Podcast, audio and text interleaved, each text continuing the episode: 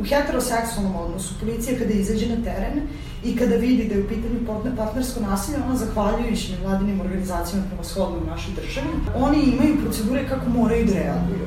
Znači to sad više nije pitanje toga da li oni žele ili ne žele, do nekog nivoa smo došli do toga da oni nekako moraju da da odreaguju. To za istopolne parove ne postoji. Zato što policija kada izađe na teren, ona će videti dve cimerke koje se svađaju. Ti ako živiš sa partnerom ili partnerkom, vi se posveđate, ne znam šta izbije, kakav haos, ti moraš da se vratiš kod svoje kuće, moraš da se vratiš svoje porodici.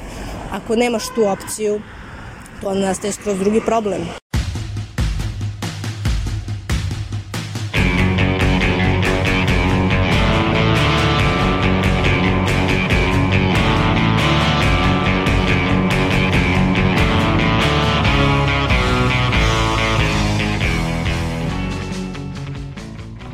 Hej, zdravo!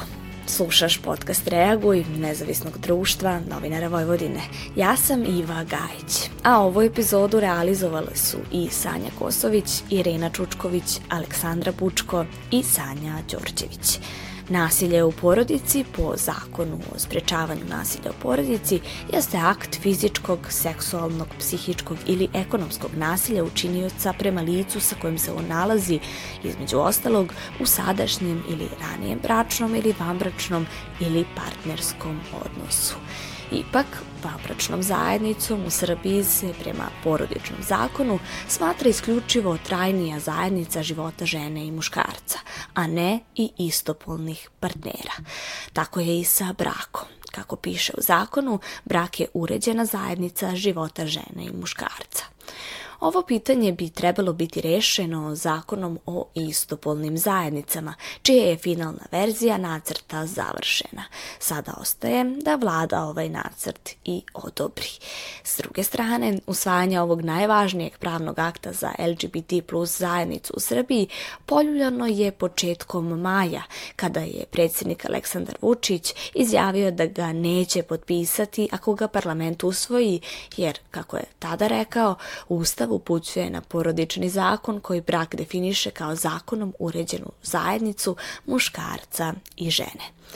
Ali zakon o istopolnim zajednicama nije predmet porodičnog zakona jer nije reč o braku, već zajednici, te nema ni usvajanja dece, a upravo ovo budi najveći otpor javnosti u Srbiji. Kada je u pitanju nasilni obrazac u partnerskim odnosima, on se ne razlikuje nužno u odnosu na heteroseksualne parove, jer je u pitanju ideja o pozicijama moći, gdje je jedan partner na neki način moćniji i između ostalog koristi nasilje da bi postigao neku vrstu kontrole.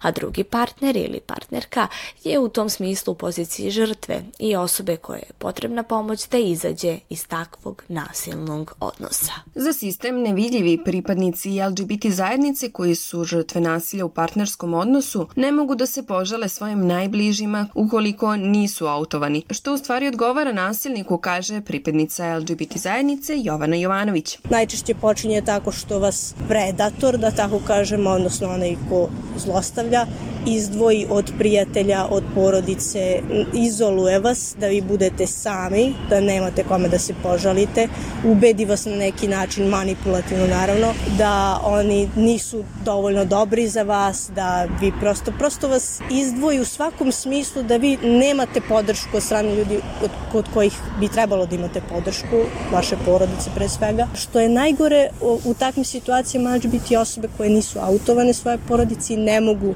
da se požele, ne mogu da dobiju podršku sa te strane i tu nažalost ne postoji ništa gore od toga kad nemaš podršku svoje porodice, pogotovo u tim situacijama, jer nemaš gde drugo. Ti ako živiš sa partnerom ili partnerkom, vi se posveđate, ne znam šta izbije, kakav haos, ti moraš da se vratiš kod svoje kuće, moraš da se vratiš svoje porodici. Ako nemaš tu opciju, to nastaje skroz drugi problem to je finansijska nezavisnost, takođe veliki, veliki problem sa kojim se LGBT osobe suočavaju, samim tim što je teško nalaženje posla ako ste pripadnik eh, LGBT zajednice i teško je poželiti se i prijateljima ako njima niste autovani, tako da i autovanje je zaista tu jako velika prepreka koju treba prevazići u tim u takvim problemima. Problem ide i dalje. Vedrana Mirković, psihološkinja i doskorašnja koordinatorka savjetovališta u grupi Izađi, objašnjava da čak i kada se osoba autuje porodici, ona često nema njenu podršku. Ono što mi vidimo je u stvari da je dodatno za žrtvu koja već može da bude zbog tih mehanizama koji se dešavaju u nasilnim odnosima dodatno postiđena, da nekako percipira da je bespomoćna, da, ne, da se plaši da se obrati za pomoć ili da ako se obrati za pomoć nekako i ljudi govore ili okolini govore ti si kriva ili ti si kriv zato što si to sve, sve ti se dešava.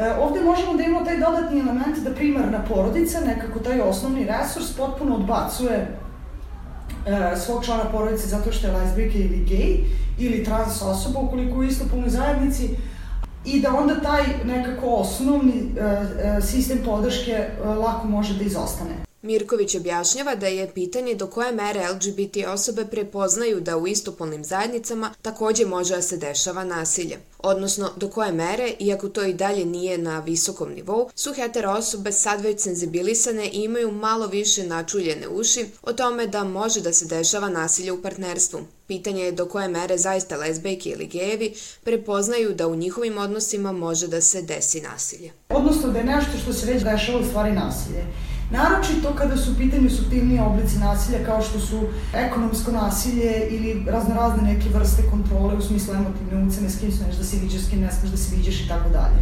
Te stvari mogu mnogo lakše da se nekako racionalizuju i svedu na to šta znači biti dobar partner ili eto, ne znam, šta god, sad lupam, to gejevi su inače promiskuitetni, pa ima smisla što mi neko ne veruje ne da mi da se viđem sa svojim prijateljima i tako dalje i tako dalje.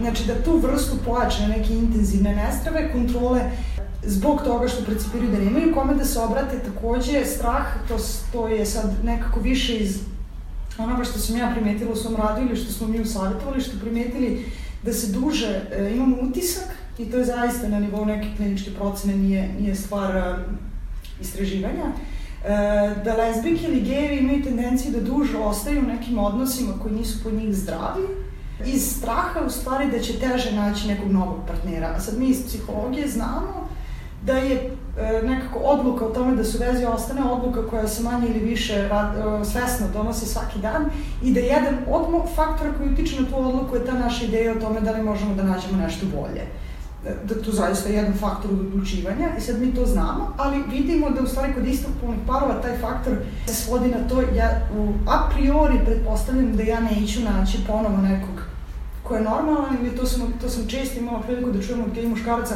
znaš nekoga ko hoće da uđe u vezu, vezu a ne želi samo seksualni odnos.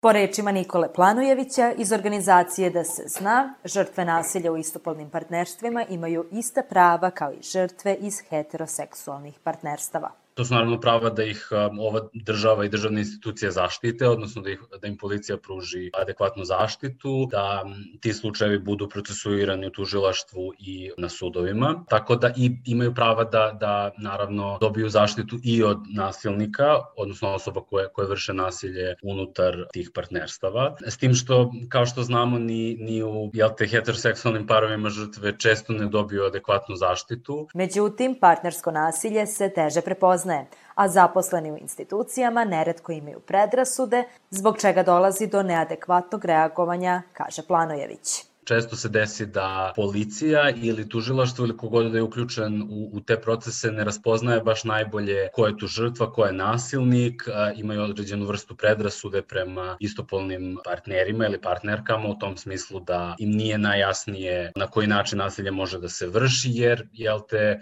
postoji taj neki patrijarhalni pristup a, u tome da su, na primjer, uglavnom muškarci nasilnici, a žene žrtve kada kada se radi o heteroseksualnim parovima i onda ako dve žene koje su u partnerstvu prijeve nasilje, on ne, ne mogu, nije im baš najjasnije kako da, da, da raspoznaju te uloge.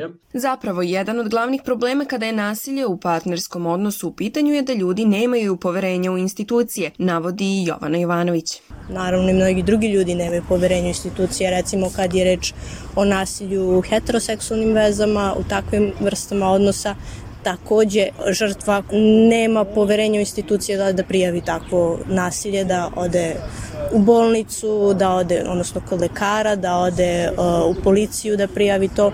Tako da i tu je nedostatak poverenja institucija. Kad, je, kad se radi o pripadnicima LGBT uh, zajednice, mnogo je izražajnije jer samim tim što vi morate da odete u policiju da prijavite tako nešto i da se susretnete sa takvim problemom da vam neko ne veruje i Uh, pored toga imate i problem autovanja, dakle vi se sami autujete kad tako nešto prijavite kad se žrtva uh, nasilja, takođe autujete i osobu koja je sa vama u vezi, koja, je, koja vas je zlostavljala i tu takođe nastaje problem. Znači, problem jeste u nepoverenju u sistem, odnosno institucije. Ali kako teče proces prijave kada uopšte dođe do prijave? Planojević iz organizacije da se zna objašnjava. Pa ono što isto, mislim, znamo o partnerskom nasilju je da, da je ono dosta nevidljivo u, u kom god smislu da, da govorimo o tome i da se ono često ne prijavljuje policiji i generalno institucijama, da se prijavljuje češće organizacijama civilnog društva ili socijalnim centrima, na primer, jer a, je tu veća verovatnoća da će se dobiti neka vrsta zaštite. A kada se slučaje prijave, kao što, što smo pomenuli ranije, često se desi da, da institucije nemaju baš razumevanja ili ne, ne izlaze u susret žrtvama na taj način da, da im pružaju adekvatnu podršku, već se des, dešava i da te žrtve krive za to nasilje ili da ne shvataju ozbiljnost, pa onda pokušavaju nekim drugim metodama da ih odvrate zapravo od prijave. Moramo da odemo još jedan korak unazad. Problem je što pričamo zapravo o jednom nevidljivom problemu, a to su spomenuli i Nikola Planojević i Vedrana Mirković. Mirković kaže da se kao psihološkinja inače ne bavi problemom nasilja u istopolnim odnosima, a opet smo je intervjuisale. Zašto? Više sam nekako osoba koju zovu zato što je malo, mali broj ljudi koji na temu može da priča, pa sam ja tu. Ovaj, što je potpuno okej, okay, ali isto govori o tome koliko su stvari nevidljive. Imamo jednog psihologa za sve teme. Da vam kažem ja jednu stvar. Znači, mi imamo 12 psihologa koji se bave nasiljem u Centru za socijalne rade. Ovi rade s decom, oni rade sa nasiljem, oni rade sa starim, ovi razumete, ovde imate pet psihologa u Srbiji koji ovo rade, pa ih zove za sve. To je isto pokazatelj nevidljivosti. Međutim, svojim radom u savjetovalištu grupe Izađi Vedrana Mirković sretala se donekle i sa ovakvim slučajevima. Činjenica je da kod nas ne postoje nikakva sistemska istraživanja bilo koje vrste ili bilo kakvi sistemski podaci u kom broju istopolnih parova se dešava nasilje. Zato što je nevidljivo. Jedna od posledica donošenja bilo kakve zakonske regulative koja bi regulisala istopolne odnose je i to da sistem počne da prepoznaje iste one elemente koje prepoznaje i za heteroparove. Kogod sluša ovo, nek se zapita za slučaj da se nađe u nasilnom odnosu, šta bi mu bilo potrebno od podrške da bi iz tog odnosa izašao. I sad ako krenemo od neke fantazijske situacije, kod nas su neuporedivo češće žene žrtve, zato ću upotrebiti taj primer. Žena dolazi kući, muškarac iz nekog, ne, nekako se sad kreće konflikt, muškarac počinje da bude nasilan. E, žena ima opciju da pozove policiju. I sad to je pitanje nekako za svačeg od nas, da li bih ja pozvala policiju ili da li bih ja pozvala policiju u slučaju da trpim nasilje. Recimo da osoba se odluči da pozove. U heteroseksualnom odnosu policija kada izađe na teren i kada vidi da je u pitanju partnersko nasilje, ona zahvaljujući nevladinim organizacijama prevashodno u našoj državi, uh, oni imaju procedure kako moraju da reaguju.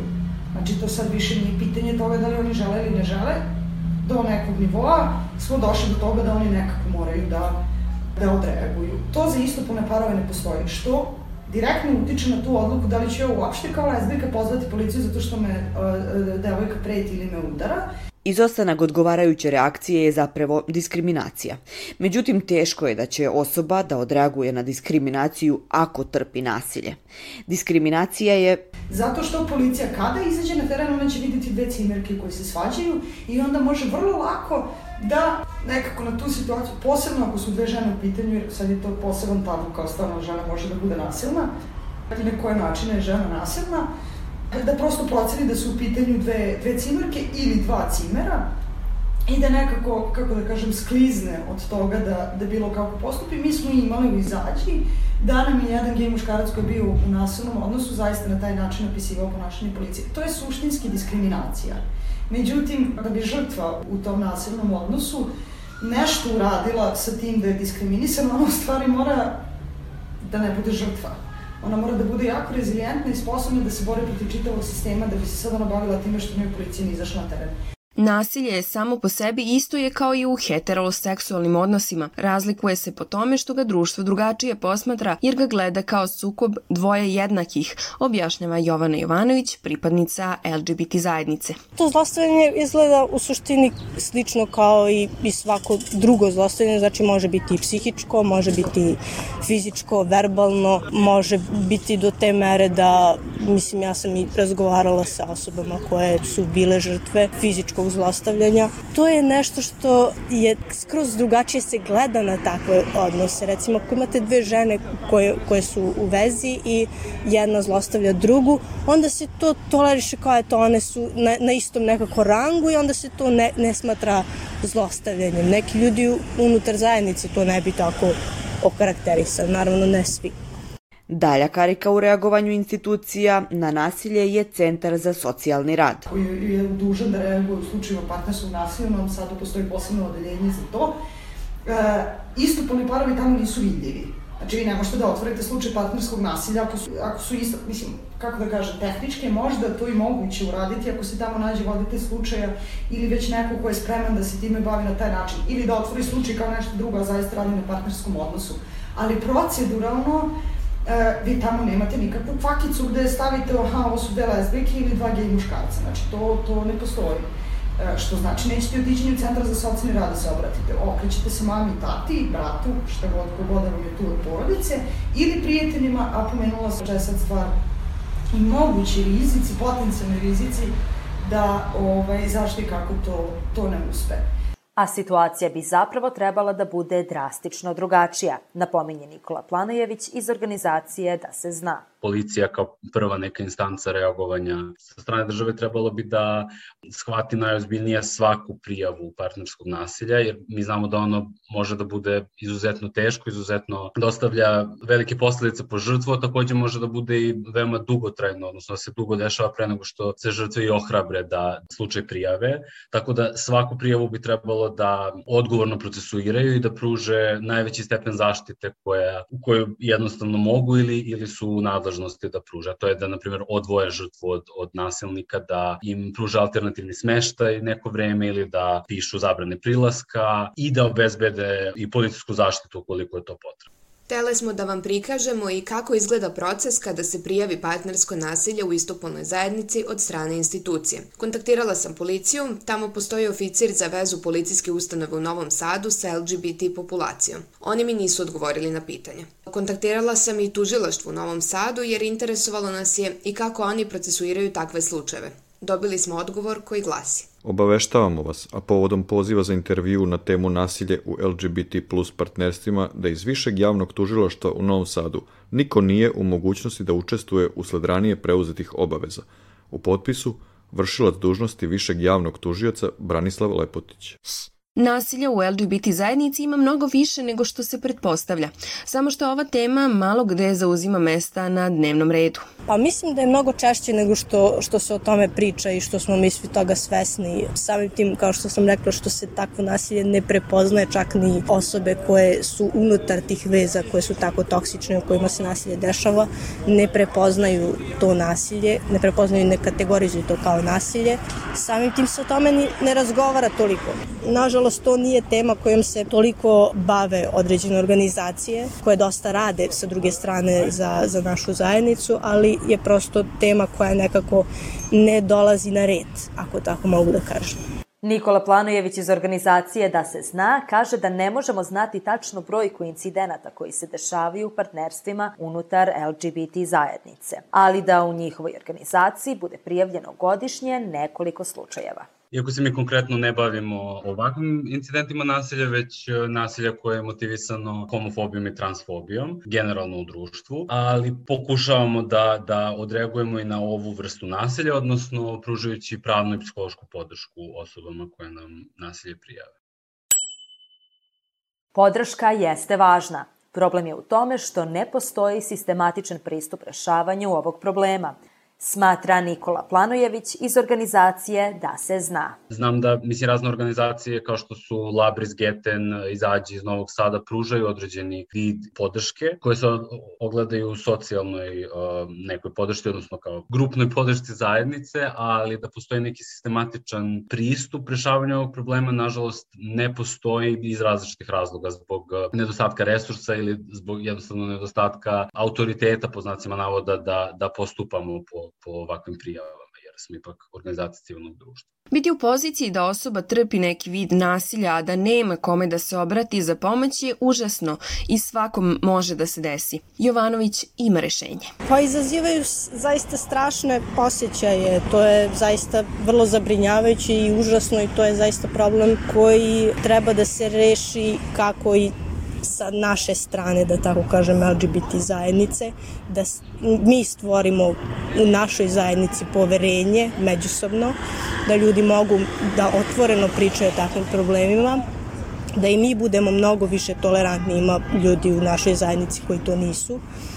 I naravno rešava se tako što se uh, institucije prosto informišu nekim stvarima, tako što se sa te strane radi na tome da ljudi unutar koji rade u institucijama, u zdravstvu, policiji i tako dalje, prosto mogu da prepoznaju taj problem i da adekvatno pristupe, znači edukacijom Međutim, situacija nije nerešiva, a pomoć se može tražiti u nevladinom sektoru. Samo je potrebno da se problem prepozna, a to je malo dublje pitanje.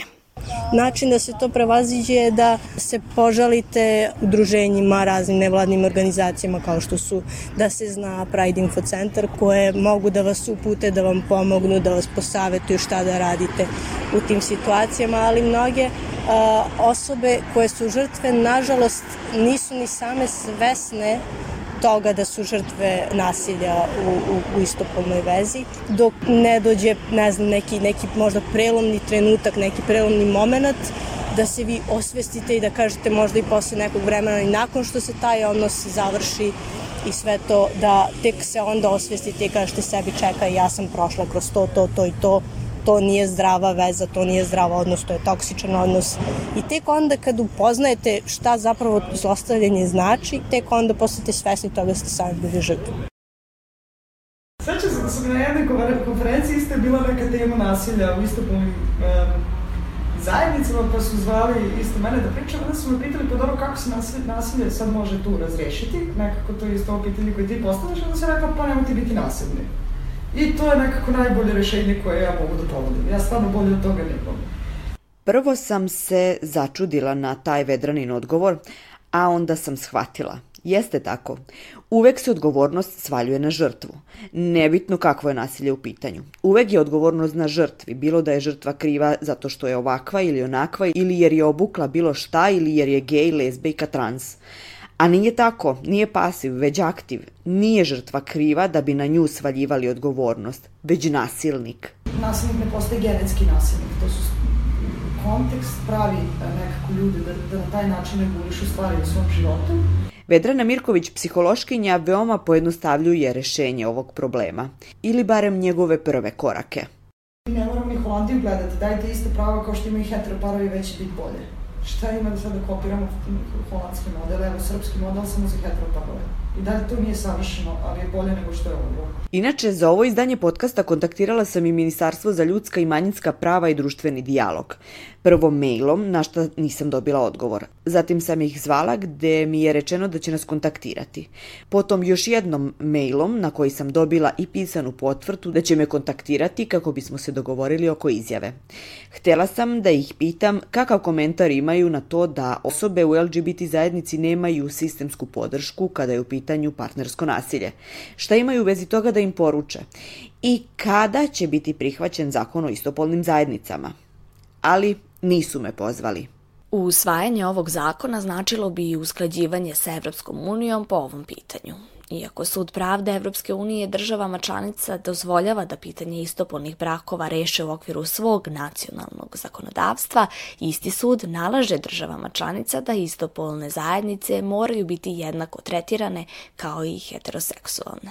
Ono što bi usvajanje zakona o istopolnim zajednicama svakako donelo jeste i mogućnost za borbu protiv nasilja u ovim partnerstvima. Hvala ti što si slušao i slušala ovu epizodu podcasta Reaguj. Tu smo jer želimo da govorimo o važnim temama koje se tiču svih. I tebe i nas. A o kojima se ne govori često. Kao što je upravo ova tema o nasilju u istopolnim zajednicama. Ova tema je poprilično nevidljiva, isto kao istopolni parovi u Srbiji, s obzirom na nepostojanje zakona koji reguliše ovakve zajednice. Osim nevidljivosti, u ovoj epizodi smo saznali još nekoliko važnih informacija. Nasilje je isto, bez obzira da li su u pitanju hetero ili istopolni parovi, a žrtve su jednako ugrožene. Ali ukoliko je žrtva iz LGBT zajednice, onda je njen položaj još teži, a sa tim je teže izaći iz takve veze. A da bi osoba izašla iz ovakve veze mora imati podršku kako sistemsku, tako i podršku porodice i prijatelja. Često to nije slučaj. I najvažnije nasilje se može rešiti tako što će nasilnik prestati to da bude, radeće na sebi da te obrazce ponašanja razbije, jer dosta smo odgovornost svaljivali na žrtve. I to je rekapitulacija naše 101. epizode u kojoj smo se bavile nasiljem u istopolnim parovima. Ja sam Iva Gajić, a ovu epizodu podcasta su realizovale i Sanja Kosović, Irena Čučković, Sanja Đorđević i Aleksandra Pučko. Budi uz nas i nadalje i prati naš rad. Podrži nas za početak tako što ćeš aktivno biti uključen i uključena u našu zajednicu na socijalnim mrežama, na Facebooku, Instagram stranici, Facebook grupi, na TikToku ili na mailu podcast.ndnv.org. Možeš nam pisati svoje utiske o epizodi, svoje iskustvo ili predloge tema. Naš rad možeš pratiti na kanalima na podcast.rs, Sounderu, Spotifyu, Google podcastima, Deezeru.